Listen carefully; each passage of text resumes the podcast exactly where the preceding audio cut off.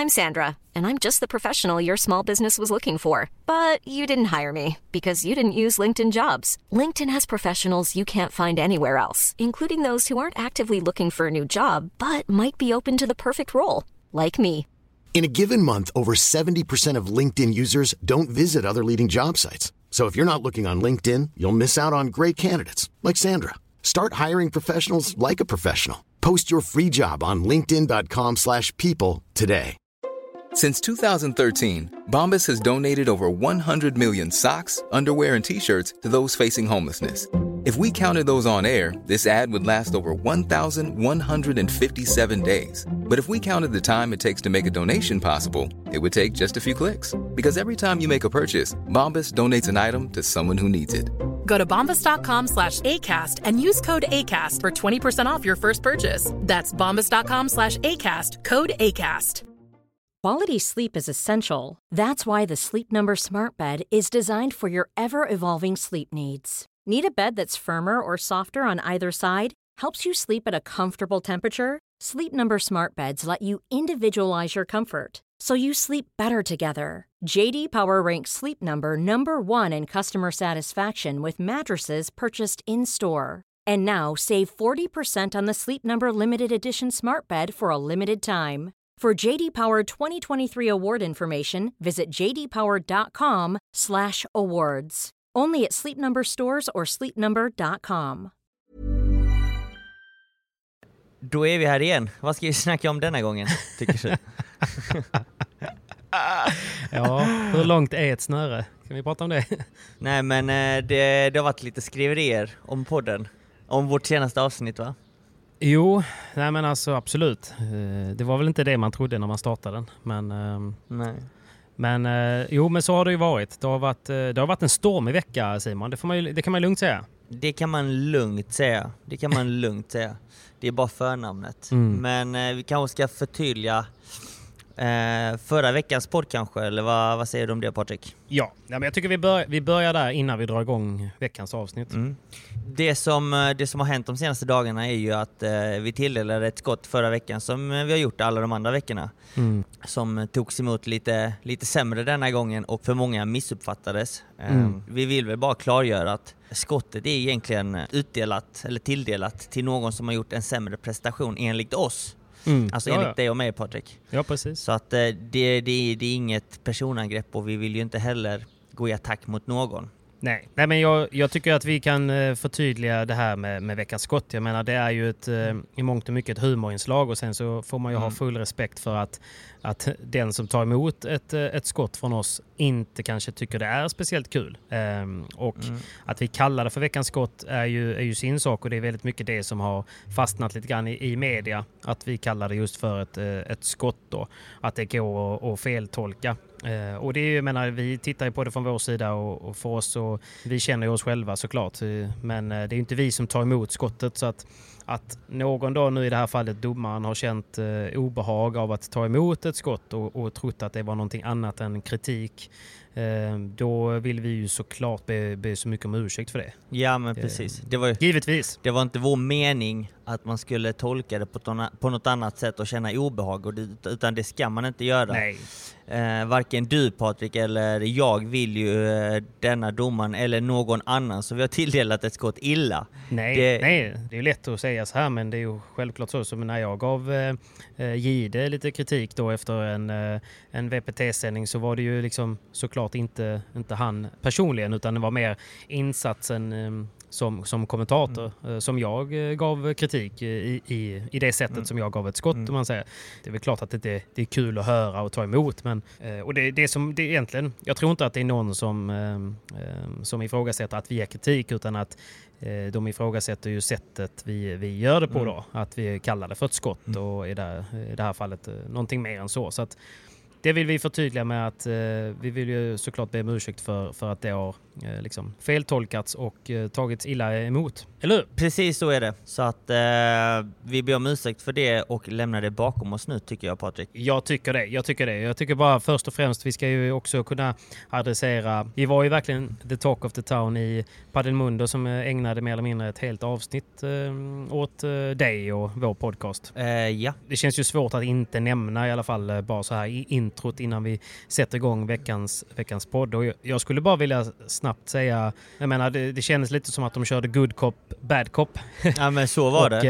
eh, Så var det. Ja, och det är fint. Alltså det är smart. De är ju journalister och eh, sådär. Och, och det är klart att de, de tittar på, på vår podd utifrån ett eh, journalistperspektiv eftersom båda är journalister. Mm.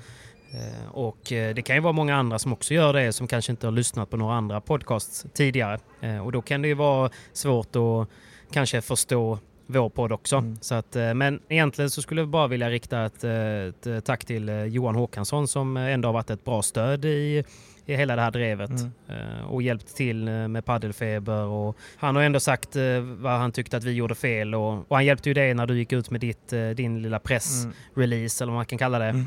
Så att den skulle få den exponeringen som den förtjänade. Mm. Så att ingen skugga mot honom. Däremot så blir jag ju alltid lite provocerad såklart när, eh, när någon då, i det här fallet eh, eh, en äldre privilegierad vit mediaman eh, som det ofta är, eh, ska, liksom, eh, ska berätta för en vad man får och inte får göra. Speciellt i ett, eh, till exempel en podcast eller en underhållningspodcast som, som vi är då. Mm. Alltså, han får ju såklart, eh, precis som vi tycker saker i vår podd, så kan han tycka saker i sin podd och, och vem som helst har ju möjligheten att starta en podcast och tycka saker. Men han kommer väldigt mycket råd och vad man, eh, vad man får göra och inte får göra och eh, vilka segment man får ha i en podcast och vilka segment man inte bör ha i en podcast. Och han har jobbat, han berättar nog tio gånger att han har jobbat 30 år i media och jag känner bara så här att skulle vi ta råd av av hussen, eh, då hade vi inte haft Sveriges största paddelpodd just nu. Nej det hade vi nog inte. Det hade vi nog inte. Så vet du vad? Jag tycker vi, eh, vi tackar Johan Håkansson och så lämnar vi eh, allt det andra bakom oss och så rullar vi introt. Det gör vi. Häng med.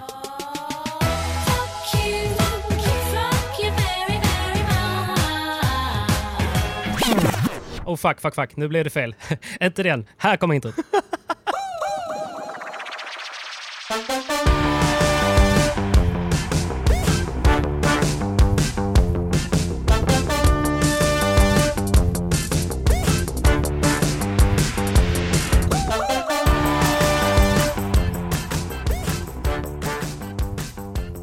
Men Simon, du är just nu i Madrid va? Det stämmer Patrik. Och varför är du inte kvar i Vigo undrar jag?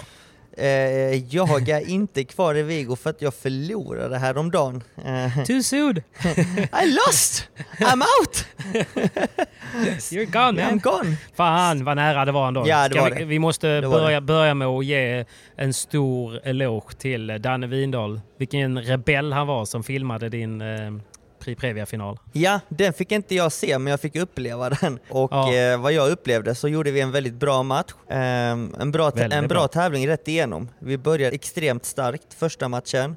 Ja. Eh, vann 6-1, 6-2. Hur känns det att vinna 6, 6-1, 6-2 i en Prix Previa? Det finns ju liksom inga lätta matcher där. Nej, alla matcher är tuffa. Eh, det ska man ha klart för sig. Alltså jag vinner ju inte 6-1, 6-2 mot, eh, mot min morsa. Men din morsa är duktig. Hon är vass Ja. faktiskt. Förlåt, förlåt mamma. Hon är G. Nej men eh, grejen var, alltså för mig är ju en vinst i Prix Previa eller Previa eller i vilken VPT-tävling som helst, i vilket sammanhang som helst. Det värderar jag Mm. ju mycket högre än en vinst på hemmaplan på SPT. Ehm, Ja, det fattar jag. en, en enkel vinst i första matchen i Previa ser jag som att vinna en SPT. Så tufft är det. Mm. Ehm, för er som inte vet hur tufft det är. Men eh, Mm. vi spelade extremt bra, helt felfritt, jag och Johan. Och vi har verkligen hittat varandra på paddelbanan. Och utanför, måste jag säga. Vi trivs. Ja, kul. Trivs väldigt bra tillsammans. Och sen så hade vi en lite tuffare andra match på söndagen. Där vi skulle ändå möta två killar som, eh, som har lite mer rutin, VPT-rutin, som har spelat lite längre. Och har varit rankade ja, runt 100. En av dem, forehandspelaren, har framförallt varit topp 100 tidigare och gjort väldigt, väldigt goda resultat, slått bra spelare. Eh, så att vi Ja. visste att okej, nu har vi en tuffare uppgift framför oss. Eh, vi la Mm. upp eh, en ganska basic gameplan tillsammans med Andreas Johansson som coachar oss denna helgen. Okej, Eh, Hur gjorde ni det då? Andreas rekade lite. Han hör av sig till Sergio Belacierto från med Malaga och eh, Kungen! kungen. Eh, han Ja. kollade eh, lite med honom gällande dessa två spelarna och eh, fick en Mm. gameplan som vi egentligen hade förutspått sedan tidigare, hur eh, dessa två grabbar spelade. Så att eh, Okej. vi visste att forehandspelaren skulle vara lite bättre. Han, eh, han är lite mer rutinerad och haft en bättre ranking och gjort bättre resultat. Backhand-killen eh, hade spelat en väldigt bra första match här i Vigo, eh, förvånansvärt bra. Men eh, kan ibland dala lite när det väl gäller. Så att vi tänkte att Okej. vi, vi börjar pressa backhandspelaren lite och, och, och så ser vi hur det går. Ehm, och det, vissa matcher det är väldigt svårt att lägga upp en gameplan när man inte känner motståndet lika bra som man känner till motståndet hemma i Sverige. Så att eh, jag och Johan sa helt enkelt, och tillsammans då med Andreas, är ju att eh, vi går ut, vi spelar vårt spel, vi spelar den padden vi spelar tillsammans. Och så tar vi det därifrån, eh, så ser vi hur det går. Men har man inte mer tydlig gameplan? Typ liksom att okej, vi ska spela mycket på, vad sa ni, på backhandspelaren Mm. då och lägga lite press på Mm. honom. Men, men man har liksom ingen annan typ att vi, vi, vi spelar hörn-hörn eller hörn-mitt eller utan ni bara kör. Oftast så, så brukar det, ju- i, i det andra laget så har, ju, så har de oftast en som är bättre på försvaret kanske och en som är bättre i attacken. Brukar det vara. Det kan ju Mm. vara så att en spelare är starkare på bägge sidor, då vet man liksom att alla bollar ska till den andra. Man kan ju frysa Ja. ut en spelare. Det här är en väldigt Ja. basic gameplan. Därefter, Ja. Eh, när matcherna är igång, då kan man ju se de här detaljerna som gör att eh, man kanske säger att och du, eh, på backhandspelaren, servar mycket mer på hans forehand, den är svagare. När du har slått det slaget Mm. så försöker hitta nästa volley ner i hörnet och sen in mot mitten igen kanske. Få honom i rörelse, låt han inte spela när han står stilla. Till exempel. Mm. Eller så kan det Ja. vara att eh, när de attackerar kanske att när vi returnerar att vi ska returnera hårt mot kroppen. För då blockar de volleyn lite mer och då har man mer tid för nästa Mm. slag. Eller att man kanske redan direkt i returen försöker hitta en drop eller lobben. Beroende på vem man möter. Eh, Men testar man lite olika grejer där i början då bara för att se lite grann vad som biter eh, på dem? man testar lite, men man framförallt så, ha, så spelar man ju sitt egna spel. Man, man, man tar det allt eftersom. Ser man att de har bra backhandvolley direkt eller att de är bra på att vinkla, då undviker Mm. man ju deras yttersta volley utan slår kanske mer returer och grundslag mot mitten. Så att eh, Ja. man, får, man, får ha ett, Intressant. man får ett öga för det och man måste vara på Ja. hugget. För vi har ju sagt det tidigare, men, men om till exempel säg att Johan servar och du är på nät då, då är det väldigt mycket din uppgift att kolla på servmottagaren, på hur den agerar på olika servar, eller hur? Ja, det gäller att vara skarp där och se motståndarens starka sidor och svaga sidor Mm. tidigt eh, i matchen. För det, det kan ju förändra matchbilden väldigt För fort. det är rätt svårt alltså. Det- Det, låter ju logiskt, men när man väl står på banan så det är så mycket att tänka Mm. på. Man ska tänka på liksom bara att få in bollen och knyta skorna liksom. Ja, det är det. det, är det. Men eh, på den här nivån så, så vet man att Alltså redan på inbollningen så bör man ju scouta motståndarna. ja, det är en klassiker. Eh, så att redan där så kan jag ju säga till Johan, du eh, backhandkillen som jag bollar in med, han verkar vara mycket Mm. svagare i försvaret när han måste ta bollen innan väggen. Men han är mycket bättre Mm. efter väggen. Och det är en sak det är en sån sak vi ser väldigt tydligt. Och sen när de kanske Mm. står på volley så kan vi ju rätt så tydligt se att ah, den här killen har bra forehandvolley, kanske sämre backhandvolley. Eller den här killen gillar inte de snabba bollarna mot kroppen. Utan det, och sånt Mm. läser vi ju av i, redan vid inbollningen. Så, så, så att man, eh, man checkar av det tidigt i matchen. Men du, det är därför jag alltid tankar på inbollningen.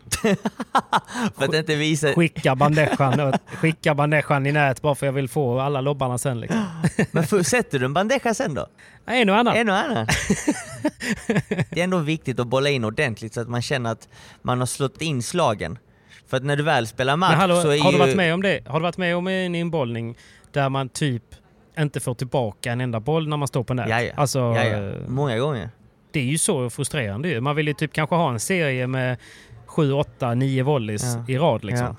men så är det. Alltså ibland så får man ju bolla in med, med, med spelare som, som är bedrövliga på att bolla in men väldigt duktiga på att spela. Och du vet så här, Ja, ja. då, de har säkert, de, vissa gör det med vilje och vissa, gör, vissa gör inte det med, med, någon, eh, med vilje. Men det, det förstör ju för en själv. För har du fått en dålig Ja. inbollning, det är klart du får en dålig start i matchen. Det är ganska Mm. logiskt. Men det är väl därför man på VPT gärna bollar in med sin partner va? VPT-inbollning kallas det. VPT-inbollning, det, det uttrycket har inte jag hört förut. Har du inte hört Nej, det? nej, nej, nej. Jag för mig att, det- att, det, att det finns ett uttryck som heter VPT-inbollning och det är ju när man går in på banan innan tvn, innan sändning om man säger, innan match. Ja.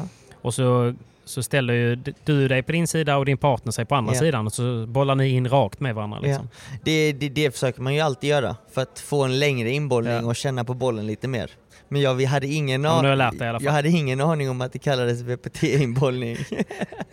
Ja, men nu har jag myntat det. Så? ja, Okej, men förlåt att jag tog dig på ett sidospår. Men ni är i alla fall, eh, och ni har Andreas på sidlinjen. Ni har gjort en bra scoutning inför matchen Mm. så ni vet att ni ska lägga press på backhandspelaren. Eh, för forehandspelaren eh, var en lefty kille som har, eh, som har haft väldigt bra Ah. resultat och eh, gjort det bra tidigare. I tidigare sammanhang. En det. Ja, här nästan. Ja. nästan. Så att eh, vi hade en liten gameplan men eh, den var inte så detaljerad. Sen så var det skönt att ha. Andreas som tredje spelare utanför banan för att tror det eller Mm. ej så är det alltså natt och dag att ha tränare eh, under dessa matcher.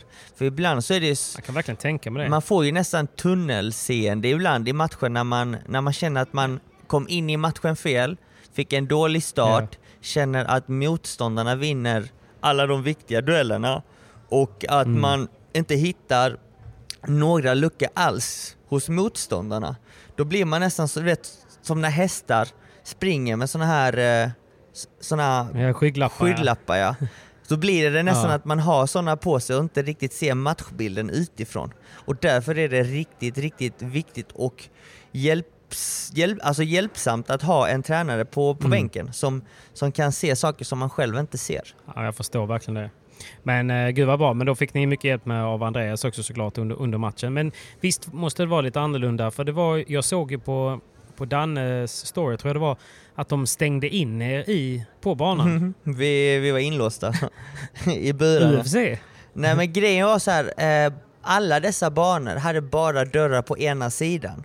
De hade inga dörrar på andra sidan. Vilket innebär att då hade vi ju en dörr på, ja, som sagt, på ena sidan men inte på andra. Men då blir det orättvist. Så att då var vi tvungna att stänga dörrarna så att det skulle vara likadant på bägge sidor. Låt oss säga att vi leker med tanken att man slår en stoppboll som hade gått ut från dörren. Men det finns ingen dörr på Ja. ena sidan men det finns en dörr på andra sidan. Nej. Så att det blir samma på bägge sidor, så att vi var ju tvungna att eh, stänga in oss i, i burarna. Sjukt då. Ja det kändes, det Ja. kändes sjukt, det kändes nästan som att man gick in i en eh, UFC-ring och skulle, skulle slåss. Slåss liksom. Fight!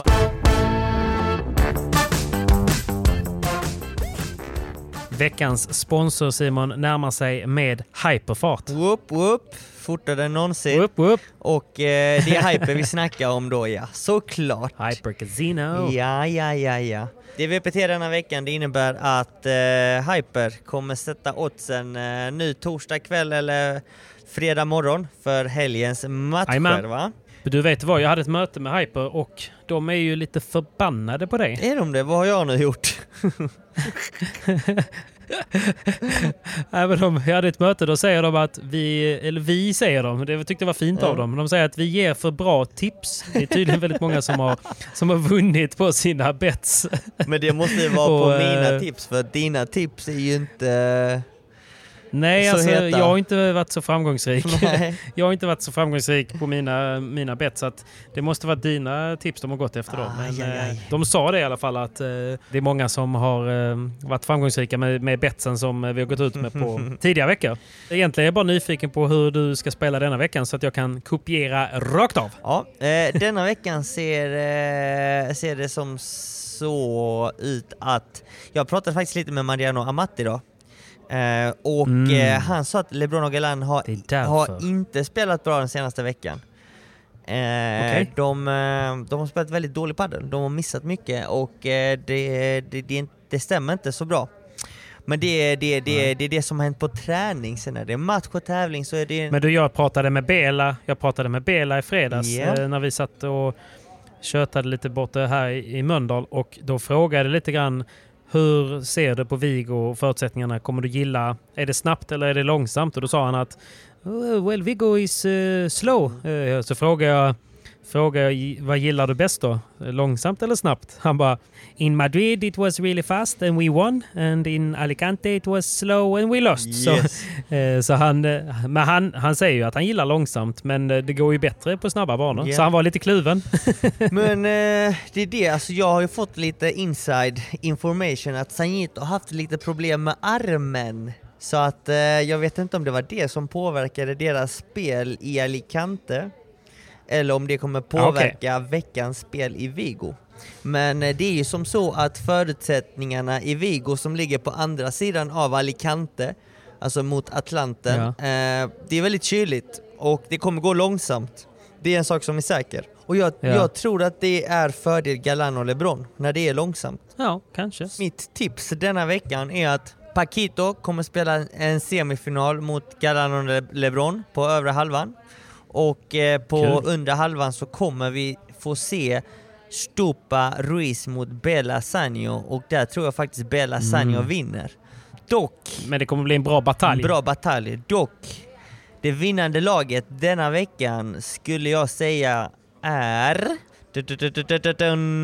Galan och LeBron. Trots att Mariano Almat har sänkt dem Ja, han, på träningen den här han, sa att veckan. de har, han sa att de sätter inte bollen i banan. Inte ens på en fotbollsbana. Han försöker prata upp Ja, oddsen. jag tror det. Jag tror det. Jag tror de har fått nys om eh, vår lilla podd. Så är det säkert. Så är det säkert, så är det säkert. Och på damsidan, den är lite svårare.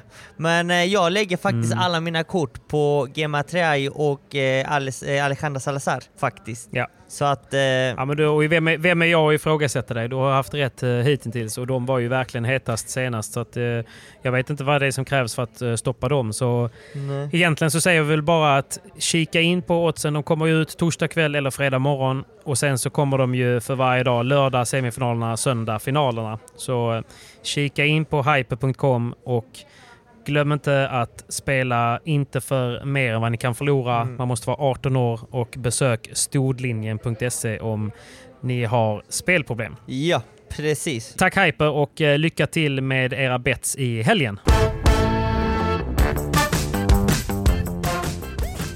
Men eh, ta oss vidare då. Så första dagen, första matchen, slakt. 6-1, 6-2. Ja, slakt. Eh, vi gjorde mer eller mindre inga misstag. Vi hade några stycken här och var, men inga, inga som, eh, som kom i fel läge så att säga. Sen i andra Nej. matchen eh, så hade vi, var vi lite eh, mer fokuserade och taggade för vi visste att det skulle bli en tuffare, lite tuffare match. Men där gjorde vi inte heller några misstag. Jag tror Andreas fick, eh, jag gjorde ett misstag på hela första set och jag tror Johan Bergeron gjorde noll misstag första set. Det är helt sjukt. Vilket är helt sjukt, samtidigt som vi var extremt offensiva för vi, vi gick för totalt sett 11 eller 12 smashar den matchen och vi fick ut alla bollar. Så att vi var ju hundraprocentiga i overheadsen när det gällde smasharna och eh, vad jag minns så var det inte många bandejas vi misslyckades med eller att vi missade. Så att eh, vi var väldigt bra i attacken, de var egentligen aldrig nära på att breaka oss. Och i försvarsgemen så spelade vi felfritt där med. Vi, vi spelade en bra defensiv padel där vi följde upp varandras slag, lobbade i rätt lägen, kom fram tillsammans som ett lag och eh, läste, av, läste av motståndarnas spel. Alltså det var, du vet, de här... När allt bara stämmer. När allt bara stämmer, när du känner att eh, allting går i slow motion. du, Mm. det, spelar, in- Ja, det men- spelar ingen roll vad motståndarna gör för att du kommer alltid ha ett svar på det de gör. Ja. Lite så. Eller när man typ kan tänka bara liksom att jag kan tänka mig dit bollen. Ja. Jag behöver knappt, eh, behöver inte använda armen. Nej. Ja, men det, lite så kändes det som. Så att det var ju extremt, eh, extremt skön känsla som Mm. vi fick med oss från dag ett. Sen visste vi sen att tredje matchen, alltså dag två, skulle vara mycket tuffare. För då skulle vi möta Ja. de som var eh, andra sidade i Pri Previa. De, eh, de brukar ju spela Previa mer eller mindre alltid. Mark Hilles, Ja, okej. Marquilles är en kille från Barcelona som är väldigt lång, har en bra smash. Eh, attack- Väldigt. Ja, attackerar väldigt bra. Eh, lite Mm. sämre i försvaret. Eh, och han spelade Ja. tillsammans eh, med Sanito och Christian Gutierrez. Och detta är då... Sa- Sånt gummi efternamn. ja, ja, ja, ja. Och detta är ju Sanjo Gutierrez kusin. Vilken press han måste ha på sig med det efternamnet. Ja, faktiskt, faktiskt. Och han spelar också med Head, precis som, eh, som San- Sanjo. Och eh, spelar ganska snarlikt Sanjo.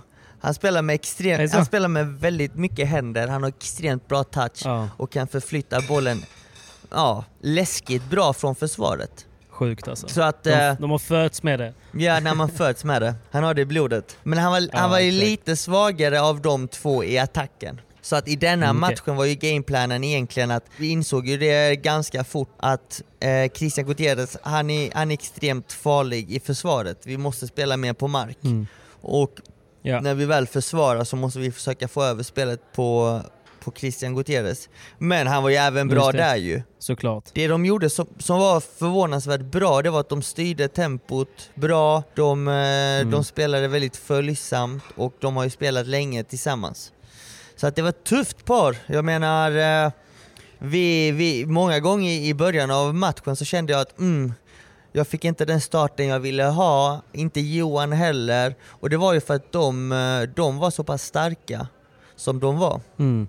Men vi krigade på Patrik! Vi krigade på! Jag såg inte första set. Nej. För att eh, Danne kom ju in och började sända i andra set tror jag det var. mm. Så eh, ta mig därifrån. Ja, jag ska ta det därifrån. Och då eh, eh, i början av andra set så sa vi på bänken att eh, nu måste vi kriga.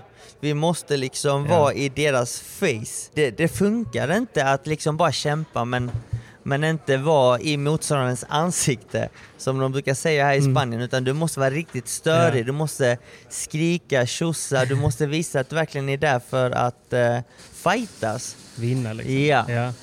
Eh, så vi gjorde det, vi steppade upp eh, i andra set, började skrika lite mera, vi började visa dem att fan vi är här för att tävla, vi är här för att vi vill vinna Ja. och vi kan tävla mot er. Eh, det var den atti- En och annan vamos. Ja, det var den attityden vi gick ut med.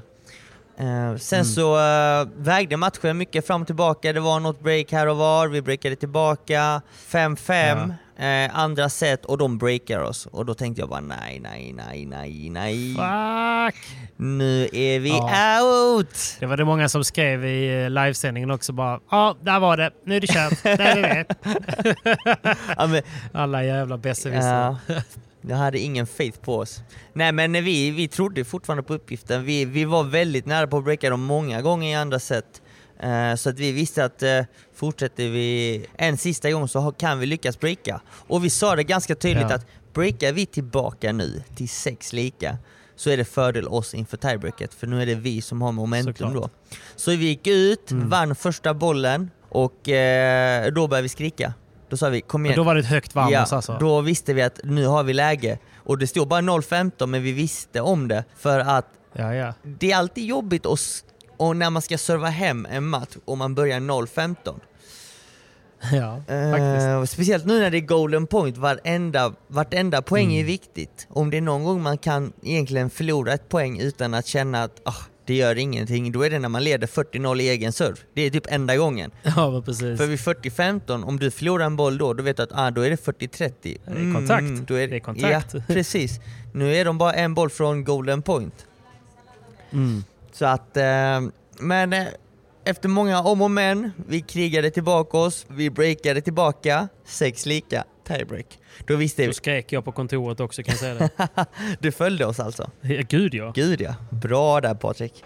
Nej men eh, så att eh, då blev det tiebreak och då visste vi, nu gäller det att fortsätta. Nu har vi momentum. Mm. Nu är vi i deras skalle. Eh, och vi började tiebreak väldigt bra. 4 4-1 Mm. upp, det var inga konstigheter. Vi vann de viktiga poängen i början av tiebreaket och visade att vi kommer gå till ett tredje set. Eh, det var inga konstigheter. Classic. Classic. Och eh, vi tog hem eh, setet 7-3 i tiebreak. ja. Och då var match. Jag blev lite nervös där för det var ju 4-1 och sen 4-2, 4-3. Tänkte bara nej kom igen nu för fan, där vill man ju inte tappa någon. Var det inte så? Och sen Jo. tog ni några raka. Det var ju, ja exakt, det blev ju 4-3, vår serve. Ja. Eh, 5-3, 6-3, Och eh, Det är ändå viktigt där. Det är skillnad på 5, 3 och 4 lika. Då är det verkligen eh, att det står och väger igen. donut, donut. Varenda, Donut. va, vartenda poäng i tiebreaket där i andra set är ju livsviktigt. herregud. och jag tror att eh, det, det är mer nervöst för alla som sitter utanför banan och kollar. I, Såklart. I detta sammanhanget för att vi är så fokuserade och adrenalinet bara pumpar i kroppen när du, när du hamnar i de här lägena. Man blir väldigt, eller jag Mm. blir, det är klart du känner nerver fast mina nerver känner jag oftast när jag spelar första matchen i en turnering, oftast eh, eh, innan turneringen. Men när man väl är Ja. där och spelar, då, då är det adrenalinet som pumpar genom eh, hela kroppen. Såklart. Men jag tror att adrenalinet pumpade hos Danne också. För det, alltså, det, var ju en, det var en funktionär alltså, som, eh, som liksom misstänkte honom hela tiden för att han satt och streamade eller någonting. Så att Mm. Danne var ju väldigt så vet, diskret. Han tiltade kameran lite på mobilen och så satt han liksom med armarna i kors och försökte låtsas som att han bara vet, satt och chillade. Liksom, och så här. Och så kom, det kom ju fram någon funktionär med Adidas-skor. Det var det enda jag såg flera Ah. gånger. Och, så här, och typ ifrågasatte någonting vad han gjorde med telefonen. Och du streamar inte va? Och lite sådär. Och det var, alla bara oh fuck nu är det kört. Nu är det kört. Det så här, man var ju helt så jättenervös för att han skulle bli påkommen där. Jag fattar det, men vad sa Danne då? No hablo español, no hablo español. Nej, han stod på sig alltså. Han gjorde han, eh, han stirrade ner han. Ja men det är bra.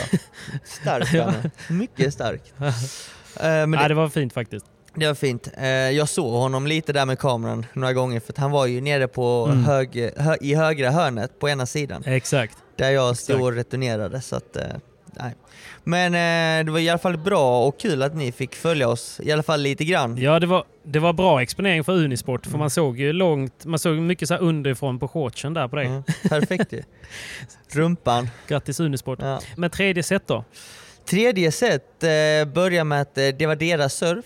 Markille Mm. servade och vi kom upp till en golden point. Och vad hände då? Herregud, ja, då tänkte vi så här att okej, vi tog andra set. Oftast, det laget som vinner andra set brukar vinna matcherna ju, för då går man in i ett tredje set med rätt energi och momentum. Så att vi ha- hamnar i ett 40 lika läge, vi bara oh, nu ska vi ta chansen. Jag kommer faktiskt inte ihåg hur den bollen spelades, men jag tror att de gjorde en bra boll, och tyvärr så säger så. tog de ledningen 1-0. Därefter servade Ja. jag ett lika och sedan servade de igen. Vid ett Ja. lika servade, servade Christian Gutierrez och vi kom upp till golden point här också. På grund av att de Igen. hade några lätta misstag faktiskt, det måste jag säga. Mm. Och eh, denna golden point minns jag faktiskt. Och då var det att eh, de servade på Johan, Johan returnerade en fin retur. De eh, spelar en ganska bra volley, de gick för det. Det var Christian Mm. Gutierrez som spelade en backhandvolley, ner rakt och Johan lobbar. Han lobbar bra och Markilles hamnar i ett läge där han antingen skulle slå en bandeja eller en smash. Och jag trodde inte han skulle Ja. gå för smashen för att lobben var så pass bra så att Mm. när han slår slaget så slår han den och trillar bakåt. Alltså han trillar inte ner på marken men han Nej, nej, slår slaget. Ja, han måste tar- böja sig så mycket. Exakt, han böjer sig så, så pass mycket att han slår slaget och tar ett steg bakåt. Då tänkte jag, den här bollen Ja. går inte ut. Och så skriker jag till Johan, fram, fram, fram, du har den. Men Mm. så kickar han ut den med en millimeter över tre meters gallret. Sidegardet. Ja. Och där var Ja, man får väl ge att han hade cojones i rätt läge där. Det är Ja. ändå ett sjukt läge att våga gå för kicken alltså. Ja, det, han gick ju verkligen för det. Och det var ju, Ja. alltså, det fick bära eller brista tänkte han väl. För att eh, han Ja. ville väl inte spela en lång, långa bollar. För oftast när vi hamnade i Nej. långa bolldueller så vann vi dem till slut. Så att de ville ju Mm. ha kortare boll... Små ettriga. Exakt, de ville ha korta bolldueller och vi ville gärna ha långa. För det var där i, må- Ja. i många lägen i, i slutet av, eh, eller i ja, hela andra set och början av tredje set så spelade jag alltså försvarsmässigt extremt bra och de flyttade faktiskt över spelet lite mer åt Johans håll, eh, fick jag känslan av. Ja, alltså, min känsla från streamen var ju att du blev mer eller mindre helt utfryst för du fick ju över varenda kula i försvaret. Faktiskt. Ja. Det, det var helt sjukt. Det var några bollar som var liksom som jag trodde var helt över. Som du bara räddade upp på något sätt. Ja men det var, det var typ så här tre, fyra stycken bollar jag lyckades rädda som jag bara blev helt chockad för själv. De var ju, de var, Var är streamen? de, de var så pass bra, alltså det var, det var Mm. deras- volley då, så de tajtade till, alltså de bara brände ner volleyn i hörnet, bollen tog vägg, vägg, den var kanske någon millimeter från, från marken och jag bara viftade med racket och allting bara gick in, jag bara vad är det som händer? Fattade ingenting. Jag bara jag kan inte missa, spela mig nu för fan. Så sjukt. Ja exakt. Uh, nej, den känslan hade jag. Så att eh, Nice. det var nice, men sen eh, så höll vi våra servegame fram till 3-4. Och vid 3-4 avgörande set så var det Johans tur att serva. Och där, vi hade ju så här spelat aggressivt, offensivt, bra, slått och smält ut många bollar. Jag kickade ut, Johan kickade ut lite sämre eh, denna matchen. Mm. Han fick inte ut dem alls som första dagen. Jag däremot smashade som ett djur fram till detta gamet. Om jag får säga Vamos! det så. Vamos! Om jag får säga det så. Jag smashade väldigt Ja, det är bra. säkert någon som blir kränkt, men det får du. Det Ja. går bra. Och, och eh, jag spelade sjukt bra Vivoras. Så att jag var Ja. väldigt, väldigt bra eh, ovanför huvudet. Men i Mm. detta läget så slog jag en smash som jag inte riktigt fick ut. Markilles kontrade oss och vann bollen. Och vi hamnade i ett läge där vi hamnade 15-40 under. Och det är väldigt tufft. Bajs. För vid, Bajs. vid 15-40 så har de ju tre breakbollar. Ja. Ja, jag, jag satt bara och skakade på huvudet och såg bekymrad ut. Ja, du ville döda mig va? Döda oss. Ja men du vet, eh, och så just framförallt också att alla, alla är ju experter som kollar på padel liksom och Mm. bara nej men kan inte gå för smasha där! Nej alltså liksom, just, Misslyckas med en smash. just, det, just där och då, alltså, vi hade ju spelat strax över två timmar. Matchen var ju 2.10, 2.15. Så att eh, då hade man ju en lite tröttare och segare arm och ben. Så att det var ju väl Såklart. kanske, alltså man sk- vi skulle gå för smasharna där vid, vid eh, 3-4. Det var rätt Mm. beslut av oss, men vi utförde det sämre. Och i, Ja. i dessa sammanhang när du spelar på VPT på denna nivån, alltså du måste gå för det. Du kan inte liksom... Nej, man måste. Man måste. Det, alltså det är hellre, hellre ta rätt beslut och våga gå för det än att fega och inte gå för det och ändå förlora. Ja, Brukar min farsa jo, säga. Han, bara, Exakt. han brukar alltid säga när jag ska spela matcher, det har han sagt sedan jag var liten och jag kommer aldrig glömma det. Han bara, det är bättre att du går ut på banan och förlorar som en man. Du ska inte förlora som en fegis. Jag bara, nej, nej, nej pappa! Slå mig inte nu! Slå mig inte nu! Jag ska visa dig att jag är en man nu. Jag ska spela Ja, tufft, jag ska våga. Jag lovar jag ska, Jag ska våga. kicka. Ja.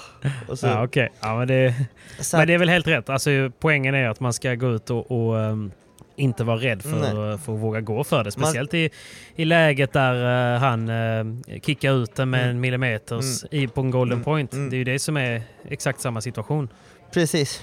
Man ska våga. Man ska våga gå för det och sen så går det vägen så går det vägen. Ja. Och ibland så går det inte vägen och denna gången så misslyckades vi och eh, bollen hamnade på deras sida. De lyckades eh, kontra och vända. Det var ju en av, en av Ja. de smasharna, så de, den hade ju gått ut, men grejen var att Markilles blockade ju den. Och när han blockade den så Mm. blockade han den alltså perfekt så att den går ner rakt på fötterna på Johan och det är en helt otagbar boll. För just den smashen Ja. så hade Johan smashat. Så att när du har smashat så är du liksom inte i balans och på rätt position och så snabbt få tillbaks bollen på fötterna. Eh, det är extremt svårt att få in den. Så att, eh, Jag är inte ens i balans när jag smashar, så jag vet vad du menar. ja, då vet du precis vad jag menar. Ehm, så att det där olyckligtvis så blev vi breakade till 3-5 och då, då skulle de serva för matchen. Och då tänkte jag att nu ska jag ta fram ett fult kort. Du vet det finns ju vissa Ja. fula kort man kan dra fram i matcher. Berätta. Eh, jag kan ju berätta först att eh, Pablo som vi mötte i andra matchen drog också fram eh, ett och annat fult kort. Du vet, vi ledde, jag, Jaså? jag tror vi ledde 6-0, 4-1, så säger han jag måste gå på toa. Du vet, du får inte gå på toa vid Oh. genbyten, utan du får bara gå på toa Nej. vid setbyten. Så gick han på toa Okej. i slow motion, han gick i en kilometer i timmen fram, och toan låg ju långt bort. Så att han var ju borta, Ja, ja, i, ja. han var ju borta 10-15 minuter. Eh, han, gjorde, Alltså. han, gjorde allt för att vi skulle eh, Tappa fokus. tappa liksom. fokus, bli lite kalla och kanske börja spela mindre, Ja. paddel, mindre bra padel. Men i detta fallet så tänkte jag vid 3-5 bara åh, fan jag måste göra någonting. Eh, jag gick, Mm. körde tröj, tröjbyte, så började Christian Ja, Gutierrez, det? ja, Christian Gutierrez började överklaga till domaren. Jag bara, men tröjan gick sönder sa jag, vilket den inte gjorde. eh, men jag bytte tröja, tog fram en ny bandana, tog tid, Ja. försökte liksom såhär, okej, nu ska de få tänka mycket, för det jag ville var att de skulle börja tänka att nerven just skulle börja smyga fram och att de skulle börja känna att "Uff, det är nu eller aldrig, nu måste vi vinna första Mm. bollen, bla, bla, bla. Men det gick ju chiprätt åt pip. Vi, vi, Men, du, men det är ändå starkt. Det är, det är ändå en bra grej att göra. För att jag menar, de, de tänkte säkert att okej, vi hade chansen att serva hem det andra. ja. Då tog vi inte det. Nu, nu, nu ska vi ta den. Och då, det gäller egentligen bara att få första bollen. För får de 0-15 då Mm. kommer de att börja ifrågasätta allt igen. Liksom. Precis. Och eh, i detta fallet så vann de både första, andra och tredje bollen. Så att eh, eh, vi, fick, Jo. vi fick inte det drömgamet vi önskade Nej, eh, just där och då, tyvärr. men ni gav allt. Och ni gjorde en jäkligt bra match. Vi gav allt, vi gjorde en extremt bra match och eh, det var många som såg matchen där på plats. Det, det som jag blev väldigt glad över var att vissa tränare och spelare kom fram och sa grymt bra spelat Simon, eh, och även Johan då. Att eh, de, de gillar vårt spel och att de tycker att vi spelar väldigt bra tillsammans. Så att vi fick ju mycket komplimanger. Och Ja. eh, vi var ju den näst sista matchen i Priprevia-finalen. Det fanns en match till som, var, som spelades som, tog, som slutade, vad var det, 3-4 minuter efter vår vid sidobanan. Ja, okej. Och då skulle vi faktiskt lotta ut en lucky loser för det var ett lag i Previan som drog sig ur på grund av covid. Så att, eh. Men hur gör man då? då? Så att, alltså rent lotto eller? ja, för vi var ju åtta lag som, eh, som förlorade i Priprevia finalen. Ja. Och vi åtta skulle, då skulle de lotta vem som skulle få Lucky Loser-spotten i Previa. Ja, så, så ett lag skulle gå vidare genom Lotto liksom? Ja, och då, eh, då gjorde de eh, ett klassiskt eh, lottodrag. Skrev ner alla parens namn i små vita lappar, la ner dem i en liten papperskartong, skakade om den och lät en domare dra en lapp. Och i detta fallet så var det en lapp som, eh, som, var, som, eh, som det inte stod vårt namn på. Så att, eh, Karma! ja, karma! så att vi hade tyvärr inte, Ja, okej. ingen tur denna Ja, gången. synd. Ja, det var synd. Nej, Det var synd. Men, eh, Och- men ni måste ändå varit nöjda med er insats. Vi var nöjda, vi var nöjda. Vi sa det till varandra också att vi hade kunnat få en, eh, en lättare match i Priprevia-finalen. Vi fick ju möta de som var näst högst rankade av alla. Eh, Ja. Så att eh, vi fick en av de tuffare matcherna. Det fanns ju andra Mm. matcher man hellre hade önskat eh, att ha. Men det var det, det var det.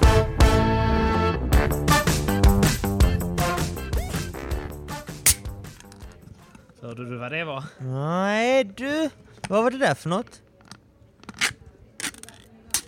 Det är jag som försöker öppna ett, eh, ett rör bollar med en hand. Det är svårare än vad man tror. Det är svårt. Men det är vår andra sponsor som är våra kompisar på reklambollen.se. Ja, de är så gulliga va? Och vad gör de De är Patrik? så gulliga va? Reklambollen.se, där kan du trycka din logga på eh, bollar och på eh, grepplindor. Du kan ju också ha olika tryck på eh, de tre bollarna som ligger i röret. Så du skulle kunna ha tre olika sorters tryck på ett och samma rör bollar. Snyggt. Ja, och det går också bra att ha färg på loggan. Jag tänker såklart på alla företag, om du jobbar någonstans, om ni ska ha något event eller om ni ska ha någon giveaway. Sjukt smart. Och det går också att välja premiumbollar, alltså typ Head Pro S eller RS, eller några av RS de bollarna som du? ni vill. Ja. RS. Nej men så att man kan trycka på bra bollar så att det inte bara blir någon sån här reklamgippo-bollar. Mm. Och nu också då att kan man ju även eh, trycka på lindorna. Eh, och du vet den här översta tejpen man sett på grepplindan när man har lindat om. Ja. Där kan man ju också välja vad det ska stå. Jag funderar på liksom om vi ska kanske ta fram en liten linda där det står eh, veckans skott kanske längst upp där. Det hade varit lite Tror du- kul ju. tror du-? Hade den sålt bra? Nej, men den, man kan faktiskt eh, ta fram lindor för eh, så lite som 15 kronor styck på eh, lindan. Så att eh, det är inte... Det är gratis. Ah, det är ju småpengar Det är ju. gratis. Småpengar i sammanhanget. Gå in på reklambollen.se, tryck era egna bollar Och Ja. eh, Eller dina egna eller lindor. dina egna lindor. Jag tycker det är en eh, hur cool Mm. grej som helst och framförallt för företag och företagsevent inom padel. Så in och gör det nu, reklambollen.se. Stort tack för veckans spons. Thank you! Men också, vi har inte pratat om det, men det måste varit jäkligt skönt ändå att kliva in och göra så extremt bra resultat med tanke på mediadrevet som samtidigt pågick på hemmaplan. Ja, alltså jag, eh, jag vaknade upp där i söndags med, eh, med många meddelanden på telefonen och jag fattade liksom inte riktigt vad det var som, som, eh, som, som hände. Men... Ja, ehm, det var väldigt, måste varit extremt många meddelanden för min telefon kokade också. Mm, ja men det var det, det var det. Eh, och det var jobbigt, det var skitjobbigt. Jag minns att när jag gick ner och käkade frukost så bara kollade jag igenom allting och kollade vad som, läste vad som hände, läste vad som för sig gick och vad folk hade skrivit till mig och vad folk hade kommenterat på andra sociala medier. Och, ja, det, Mm. var, det, var, det, var, det var väldigt jobbigt men sen eh, runt lunchdags, vi, vi hade vår första match 12.30 men det var det var försenat så vi, jag tror vi gick in vid halv tre, tre tiden. Så jag hade ju Ja. Hade många timmar på, på att tänka på det men också vid runt lunch så sa jag att nej, alltså jag kan inte hålla på och tänka på detta och fokusera på det utan jag måste lägga fokus på rätt sak och det är, det är här och nu, Mm. det är denna tävlingen, det som händer sen, det får jag ta sen. Ehm, Ja. så att jag gick in i min eh, egna lilla bubbla där jag började fokusera på matchen bara. Och jag kände Mm. att eh, jag hade ingen, inte ens en tanke på det som för sig gick en enda gång under eh, tävlingsspelandet under hela helgen. Men, eh, Men det är ändå starkt. Men ja, det måste ändå varit skönt. det var väldigt skönt. Alltså, jag ville ju bara liksom eh, göra en bra tävling och, och eh, motbevisa alla som skrev elaka meddelanden att Ja. Ett litet långfinger till, till, till alla dem. Ja, men det var lite så jag kände och tänkte och du vet, jag fick ut den Mm. aggressionen på rätt sätt på paddelbanan. Men sen eh, Ja. när jag satte mig, eh, ja vi förlorade ju i måndags eh, och vår match slutade runt 12-tiden. Så satte jag mig på tåget från Vigo klockan tre och skulle vara framme i Madrid klockan nio på kvällen. Så det var, ett, det var en lång Ja, det. En lång. lång tågresa och när jag satt där, i början var det lugnt men du vet här när det börjar bli lite segt och drygt efter ett par Mm. timmar så börjar liksom åh, känslorna och tankarna falla på plats och du vet jag blev skitledsen faktiskt Patrik. Det var, det Ja. var inte alls kul Ja. och jag minns själv när jag, jag kände mig jävligt ensam. För när jag väl, jag Ja, vet ju jag att jag, jag vet att jag har ju alla mina vänner, familj och tjej som stöttar mig i alla lägen och hennes familj också. Mm. Fått många fina meddelanden men jag visste, jag vet inte, du vet så här, jag är väldigt, en väldigt känslosam person. Eh, Jag vet inte om, Mm. om folk uppfattar mig som det men du vet så här, jag brukar oftast utstråla det jag känner. Eh, är jag glad så Jo, visar jag att jag är glad och är jag ledsen så, så syns det på mig. Men eh, Ja, när jag Och är du arg så syns det. och när jag är arg så syns det också. Så att eh, det, det syns ju tydligt hur jag mår. Och det kan vara vid Ja. olika anledningar. Eh, när jag blir arg eller om jag är glad. Whatever. Men Mm. när jag satte mig på taxin, i taxin till, på väg hem till Gabriella och Rasmus som jag brukar bo hos här i Madrid så började Mm. jag vet inte, du vet, jag blev skitledsen. Ehm, Jag såg att folk taggade mig på stories och skrev att jag var kräk och att jag skulle skämmas, att jag inte borde spela paddel Och Mm. du vet, sådana här tråkiga meddelanden. Och du vet, det är bara typ så här 2% av alla meddelanden jag fick som var negativa Såklart. och 98% av allt jag fick var bara ren kärlek. Men de där 2% fick mig faktiskt att fälla en och annan tår i måndags. Men, eh, men det blev bättre. Men det är, ju, alltså, det är en del av det. Det är en process också. Liksom. Jag menar, och eh, någonstans så... Någonstans så kanske det kommer för att man känner att man har gjort fel också, vilket Mm. du liksom eh, ändå kom fram till och, och gick ut med. Och, mm, som, vi, som vi tog tidigare i podden. Och, och man är inte man är inte mer man än att man kan stå för vad man gör fel. Och sen så, det jag blev ledsen för var väl mer att väldigt många väljer att feltolka. Mm. Och då börjar man ju liksom... Alltså, det finns ju en aspekt i att man som personen som blev utsatt för det här känner att man har upplevt någonting. Det Mm. kommer jag inte säga någonting Nej. om för att jag, jag, jag kan inte säga hur den personen känner. Nej. Men hur, hur ni, alltså alla andra som lyssnar som väljer att feluppfatta eller väljer att citera just det som sades ur sitt kontext. Mm. Väldigt mycket av det handlar ju om ren sabotage. Mm. Och sen såklart då media handlar ju om att få klicks och, och sådär. Och att du börjar bli ett namn och ett ansikte som folk känner igen, det, då blir det en konsekvens av det. Så ett, mycket av det är ju egentligen bara nya situationer och, eh, och du kommer liksom lära dig hantera det och sen så får man ju liksom Någonstans får man ju ge man sig in i leken får man leken tåla men med det sagt så är det ju fortfarande tufft. Men, eh, men att till exempel så här eh, att direkt citera någonting och sen sätta det som en rubrik. Det är ju, det är ju rent eh, sabotage om man säger. För att jag kan ju spela upp, jag menar Alex Schulman kallade sina barn för horluffare förra veckan. Man hade, man hade kunnat göra en rubrik av det också om man hade velat. Liksom, Ja. att, ja. Och PK-maffian som eh, kritiserade vår podd eh, de eh, borde ju kanske skicka en orosanmälan till socialen för vilken lämplig förälder kallar sina barn för en horluffare. Liksom. Ta på er kläderna era fucking horluffare, nu åker vi.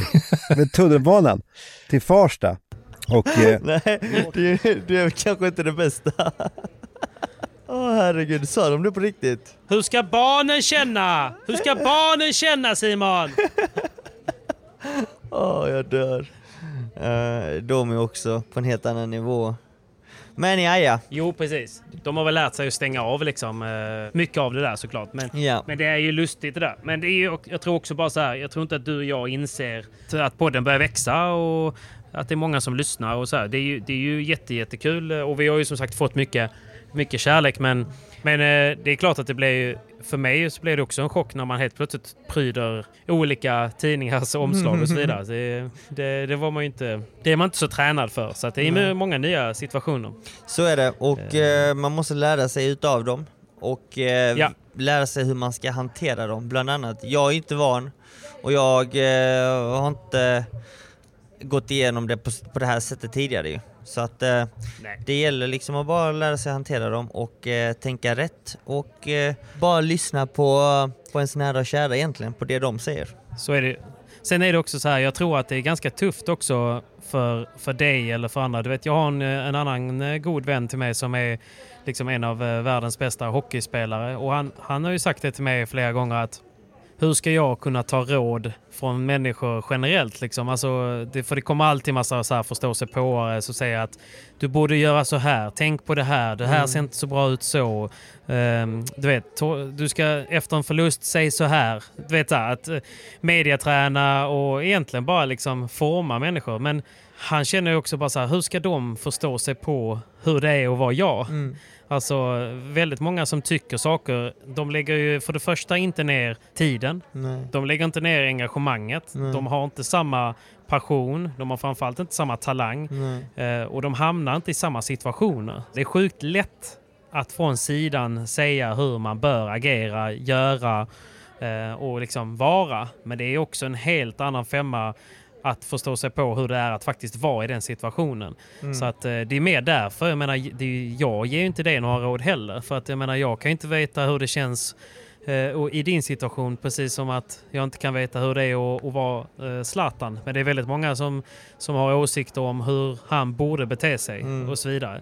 Sen är det klart att det finns ju en stor jante, jantelag i det här också. Liksom, att du är en kille som sticker ut, eh, det går bra för dig.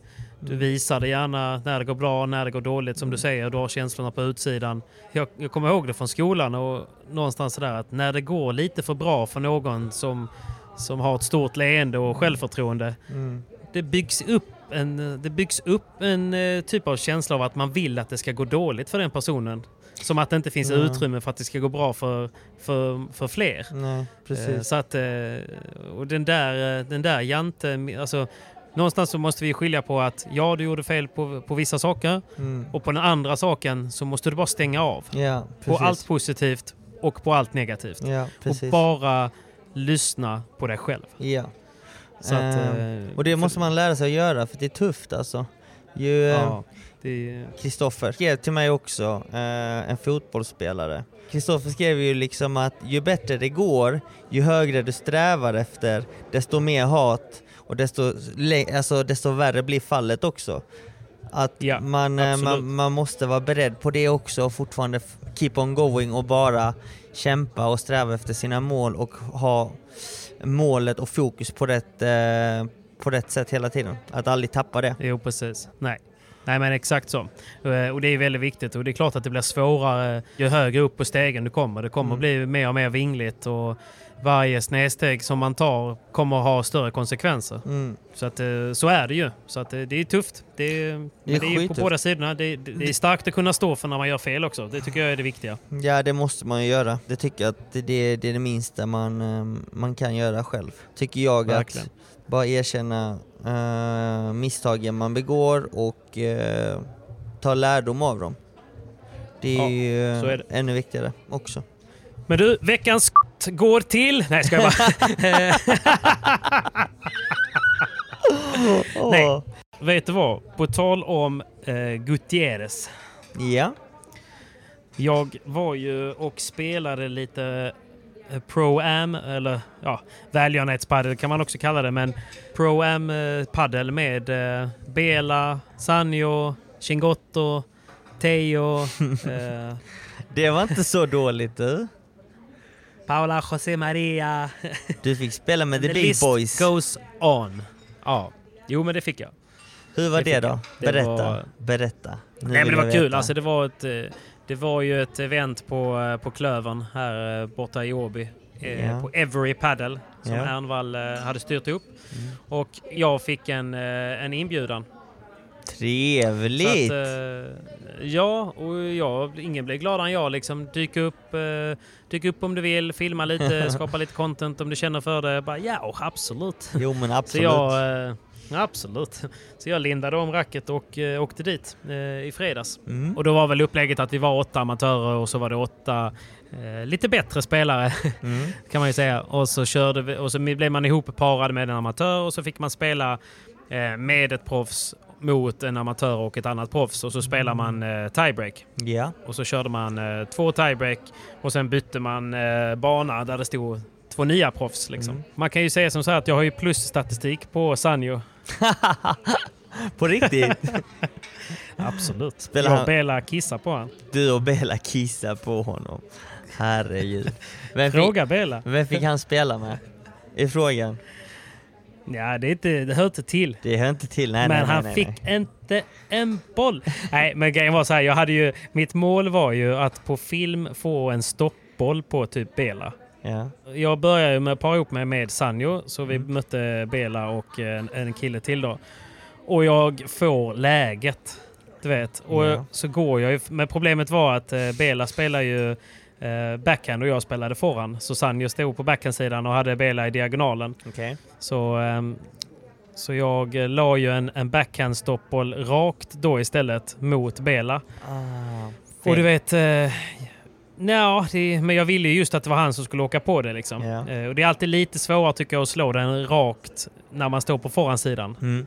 Eh, om du förstår vad jag menar. Det är lite lättare att vinkla ner den eh, mot eh, den andra forehandspelaren i, i det hörnet så att den kan gå ut ur buren. Framförallt från backhandsidan eh, på forehandsidan. Ja, men jag menar det. Jag menar det. Så, ehm, så det var ju liksom, det var mycket på spel och... eh, If you had one shot, one opportunity. Men jag gick för det. Och du vet, en sån här boll som i slow motion kommer på nätkanten med ganska bra backspin. Touchar toppen av nätkanten, men den orkar liksom inte över riktigt. Alltså den är ju på väg, men den orkar inte riktigt över. Men den är så pass nära att han inte ens orkar springa fram. Eh, Dels för att han har VPT om en vecka, men också för att går den över så skiter jag i den. Ja. Men den går inte över. Men aj, det var ju synd. Det var ju synd. Den går inte över. Det var ju synd. Så jag hade min chans. Fick du ingen ny, fick du ingen ny chans senare då? Mot Bella? Nej, jag vågar inte. Alltså misslyckas man med en så är man, då är man klar. Liksom. Då man klar. Så smack, smack på fingrarna, linjal på fingrarna, gå vidare. Du misslyckades. Skärp dig. Så, eh, men vi vann, eh, jag och, eh, jag, jag och Sanjo vann tiebreaket mot Bela och hans tillfälliga partner. Mm. Men det ska också sägas att de var väl de som, som rörde sig absolut minst på banan. De, de, hade ju, de ställde ut skorna, de ville ju inte skada sig. Och Nej. de, äh, men du vet. men det, var, det som var lite kul, om jag nu ändå får passa på och skryta lite, var att Bela på inbollningen, så vi stod, stod han och jag och bollade in lite grann.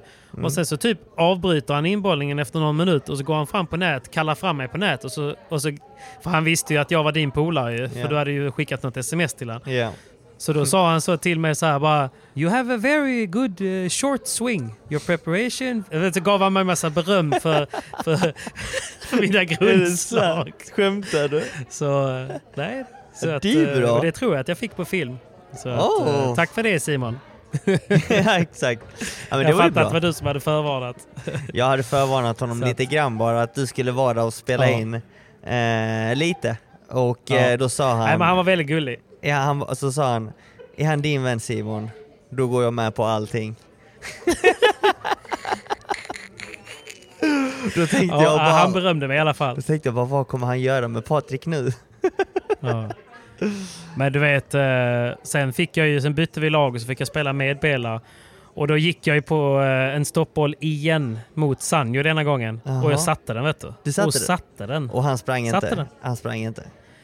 Han sprang lite, du vet, han lutade sig framåt och sket i det. Och sen, vet du vad han gör då?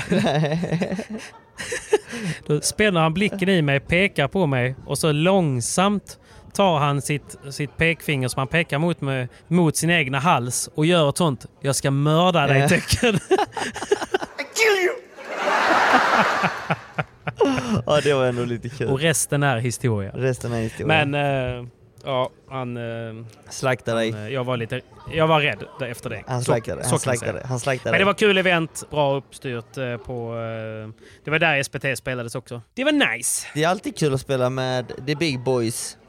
Eh, Fast det är inte så kul ändå. Det är lite överskattat. Ja, det är för att de inte går 100 såklart. Och det är... Ja, eller de, de går inte 25. Nej, de, de går inte ens 5 gubben. Nej, herregud. Men grejen Så är att att, går eh, de på 5% så slår de dig ändå i en cross, Patrik. Jo, jo. Absolut Det är ju det, är ju det som är grejen. Men det var därför det var roligare att spela med tjejerna. För att de, eh, alltså, de gick ju för kanske 50%. Men Mm. det, blev, det var ändå kul. Alltså, eh, man fick ändå blocka någon bandeja och lite Mm. sådär. Det blev lite mer spel liksom. Ja, fattar. Eh, Så det var kul. Och sen var jag ju betydligt mycket längre än Chigotto. Kan vi bara liksom stryka det strecket? Men det är helt sjukt. Alltså går du in Du på... har ju sett bilden. Har du gått in på World Padel Tour och sett på Chingottos sida? eh, Hur lång är han nu? Jag ska se hur lång han är nu här. Chingottot är ju... Här står det att han är 1,70. hur, lång är, hur, hur lång är du Patrik? Alltså, jag tror att jag är typ 1,72 men det är ju också med min egna hybris. Så jag kanske är 1,70. Ja, och du är längre än honom. Och, eh, jag är längre än honom. Jag lägger ut en bild här eh, som tydligt visar att jag är längre än honom. Hur lång skulle du uppskatta att han är då? Ehm, jag skulle uppskatta att han är eh, ja, men alltså 1,67 kanske. Han är inte lång alltså, han är kort. Det är en god gubbe. Det är en god gubbe. Det kan vi väl enas om. En jävligt god gubbe. Han har alltid ett leende Ja. på läpparna också utanför banan. Han har alltid ett leende Och på banan i och för sig. Att- Han är en riktig fighter på Ja, banan. han- men det var ju rätt kul för att eh, när han torskade någon boll då blev det ändå liksom som att ah, okej men fan eh, jag vill ändå vinna. Så Ja. att då vill han ändå markera liksom att du vet, man, man, man, eh, de, i och med att de går så, så löst för det så vill man ju ändå för det var ju några där av amatörerna som var potentiella sponsorer så de ville ju såklart inte smasha någon i magen liksom. Men när, man, eh, när de märkte att jag bara var en, en YouTube-tönt som hade fått en inbjudan som ville utmana dem lite. Ja men du vet, då, då ville han ju bara markera lite och till slut så... Ja, då, han valsade mig fram och tillbaka, upp och ner någon gång och sen så var jag på läktaren och köpte korv liksom. Så, det, så var det.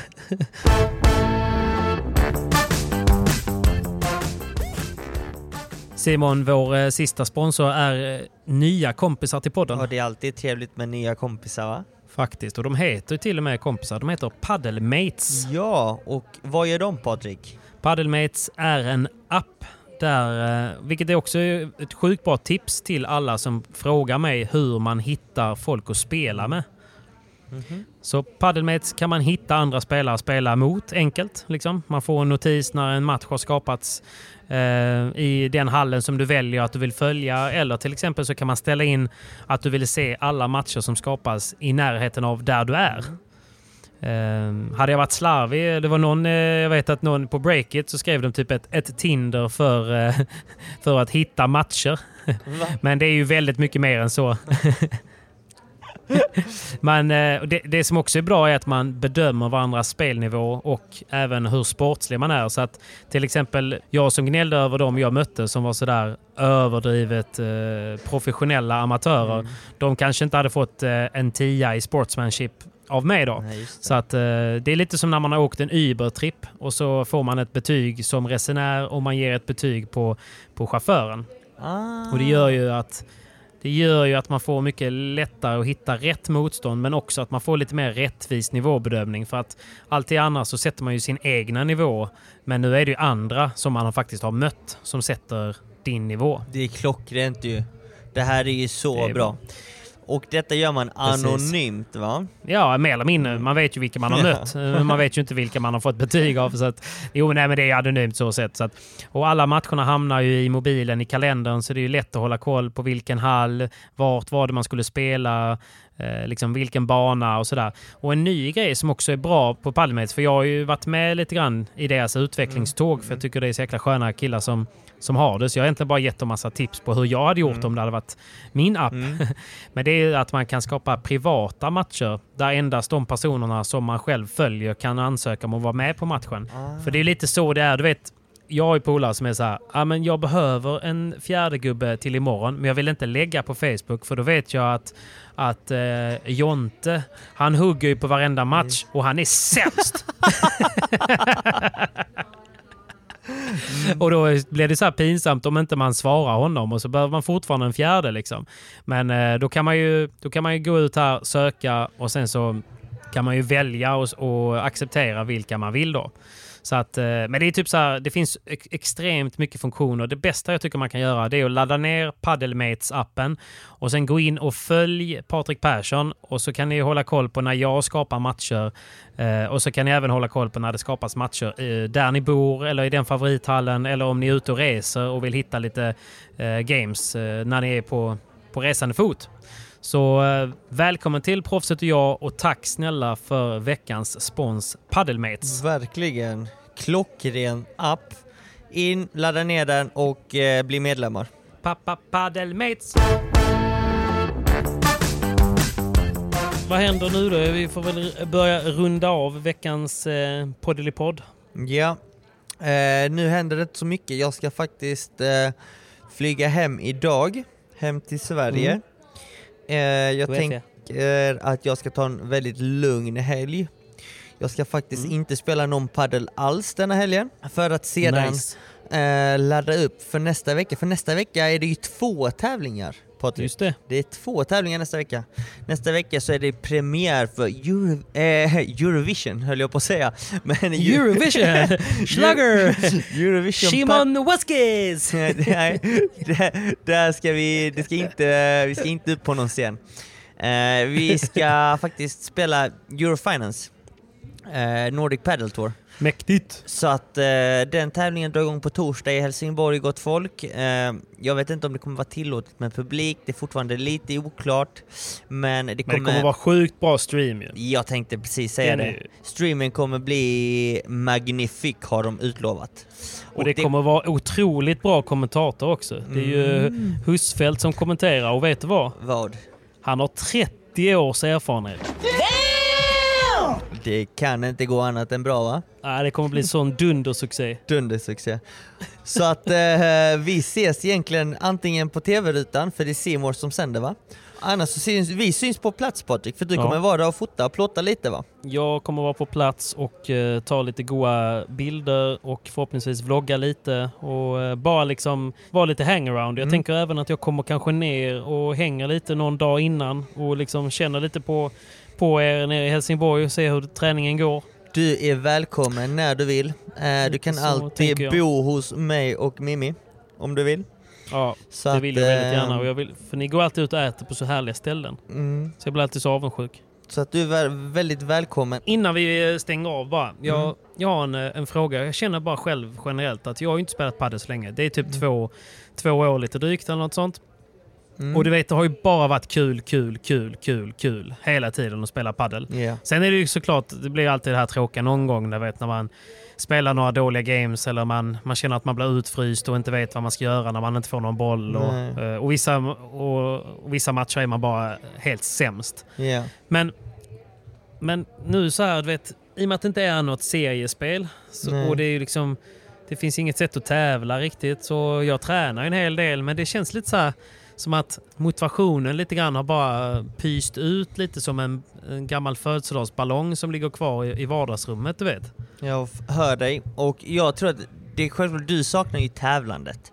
Även om det bara är Mm. seriespel eller någon annan osanktionerad tävling så tävlandet ökar ju alltid motivationen. Ett annat tips, ett annat tips är att du kan byta sida. Jag det har jag gjort ju. Jag vet, men du kan byta sida igen.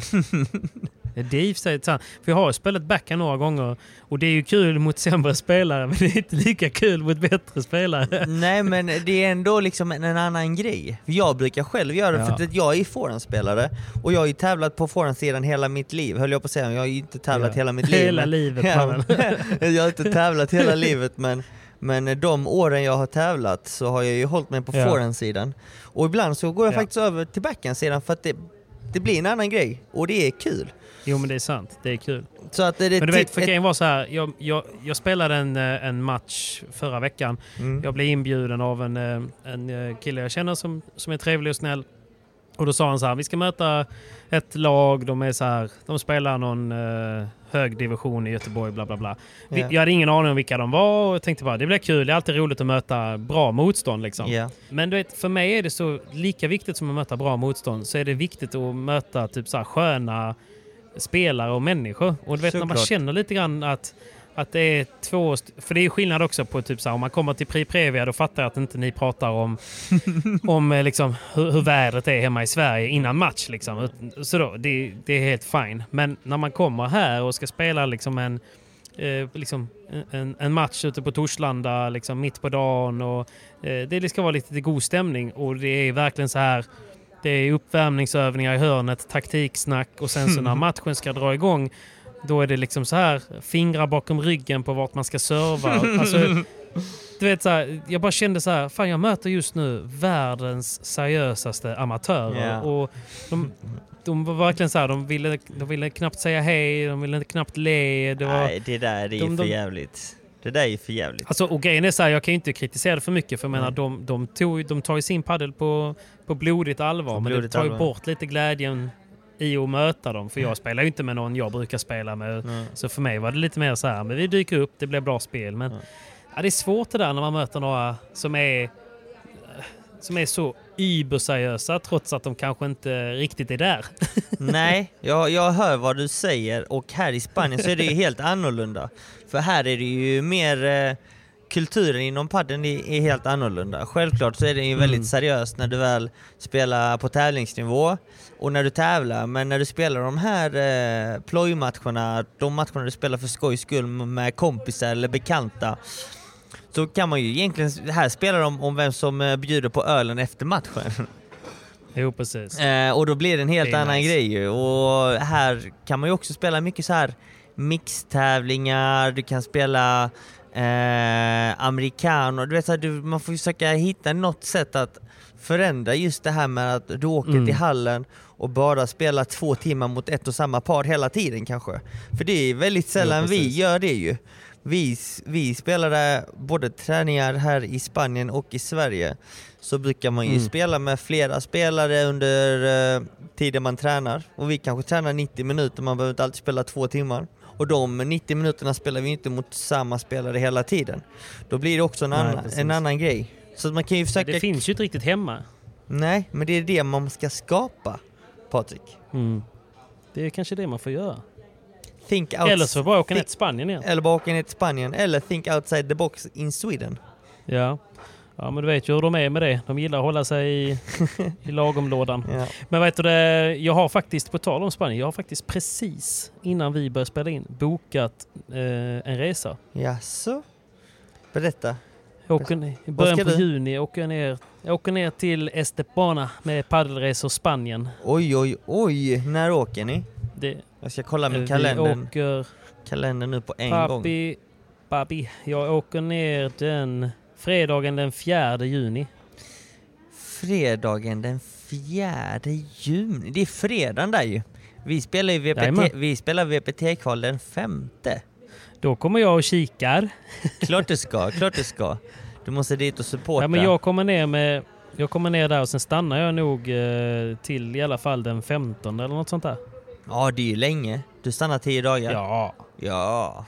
Ja. Ja, lika Nej, bra. men det är en polare, en polare till mig har eh, något som heter paddelresorspanien.se Mhm. och eh, det är där tillsammans med Gordo Diaz eh, i Estepona på, Ja, eh, ja, ja. där han tränar. Mm. Så jag ska ner där, träna lite, kolla på dig, kanske kan stanna på VPT'n och ta en och annan. En och annan. Då, kanske, då kommer Så att, eh, motivationen det komma har jag väl att tillbaka. se fram emot. Motivationen Ja, men kommer. hoppas det. Det kommer den. Lita på mig. Jag hoppas det. Lita på mig. Halva Sverige kommer Men jag vara i testar att gå Marbella. över på backhand. Halva Sverige kommer vara, befinna sig i Marbella. Hela VPT-familjen kommer vara där. VPT-spelarna. Det kommer bli gött VPT-familjen är jag ju livrädd för efter, efter all, all, all, all drev vi har gjort på deras. Instagram om stream. Det, det, det har blivit sån sjuk uppmärksam grej här i Spanien Pratas faktiskt. det någonting om det? Ja, jag tänkte precis säga det. Alltså, alla spelarna tycker att det är helt sjukt vad Sverige stöttar de svenska spelarna och är, på där på Instagram. För man ser ju att går, in, kul, går alltså. in på World Paddles Instagram så ser du att ja, Ja. Men, vissa bilder snittar kanske 2000 likes, 3000, 5000. Mm. I sin höjd typ så här 6 7000, 8000 är en bra bild liksom. Men oftast Ja. när det dyker upp någonting med eh, internationella spelare och, och framförallt svenska spelare så är de uppe Mm. på 13-14 000 likes, över 1000 Ja, kommentarer. mäktigt alltså. Över tusen kommentarer varje gång och där, där, där, där alla skriver stream, snälla stream. Så att eh, förhoppningsvis Ja, vi måste fortsätta. vi måste fortsätta, vi får inte äh, sluta här heller utan fortsätta köta om det. Så att så fort det kommer upp en bild på svenskar eller egentligen vilken bild som Mm. helst så tjata på, på VPT att de måste börja sända stream på, på Pri-Previa och Previa-matcherna. Det är viktigt för att sporten ska växa.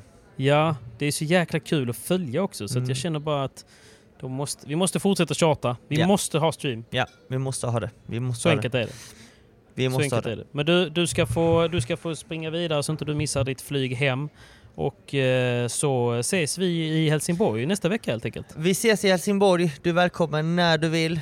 Eh, så ska Men då vi... kanske vi kan spela in tillsammans nästa vecka. Ja, självklart. Det gör vi. Det är mysigt. Det är mysigt, det gör vi. Spikat. Så gör vi. Vi spikar det. Och eh, återigen tack alla ni som har hört av er och stöttar eh, podcasten. Vi, eh, vi ser er, vi hör er och vi uppskattar er. Ja, det gör vi verkligen. Så att stort tack, massa kärlek till er och sprid kärlek så hörs vi här nästa vecka va? Jajamän. Puss och kram! Jajamän, ha det puss och kram. Hej hej, tja tja!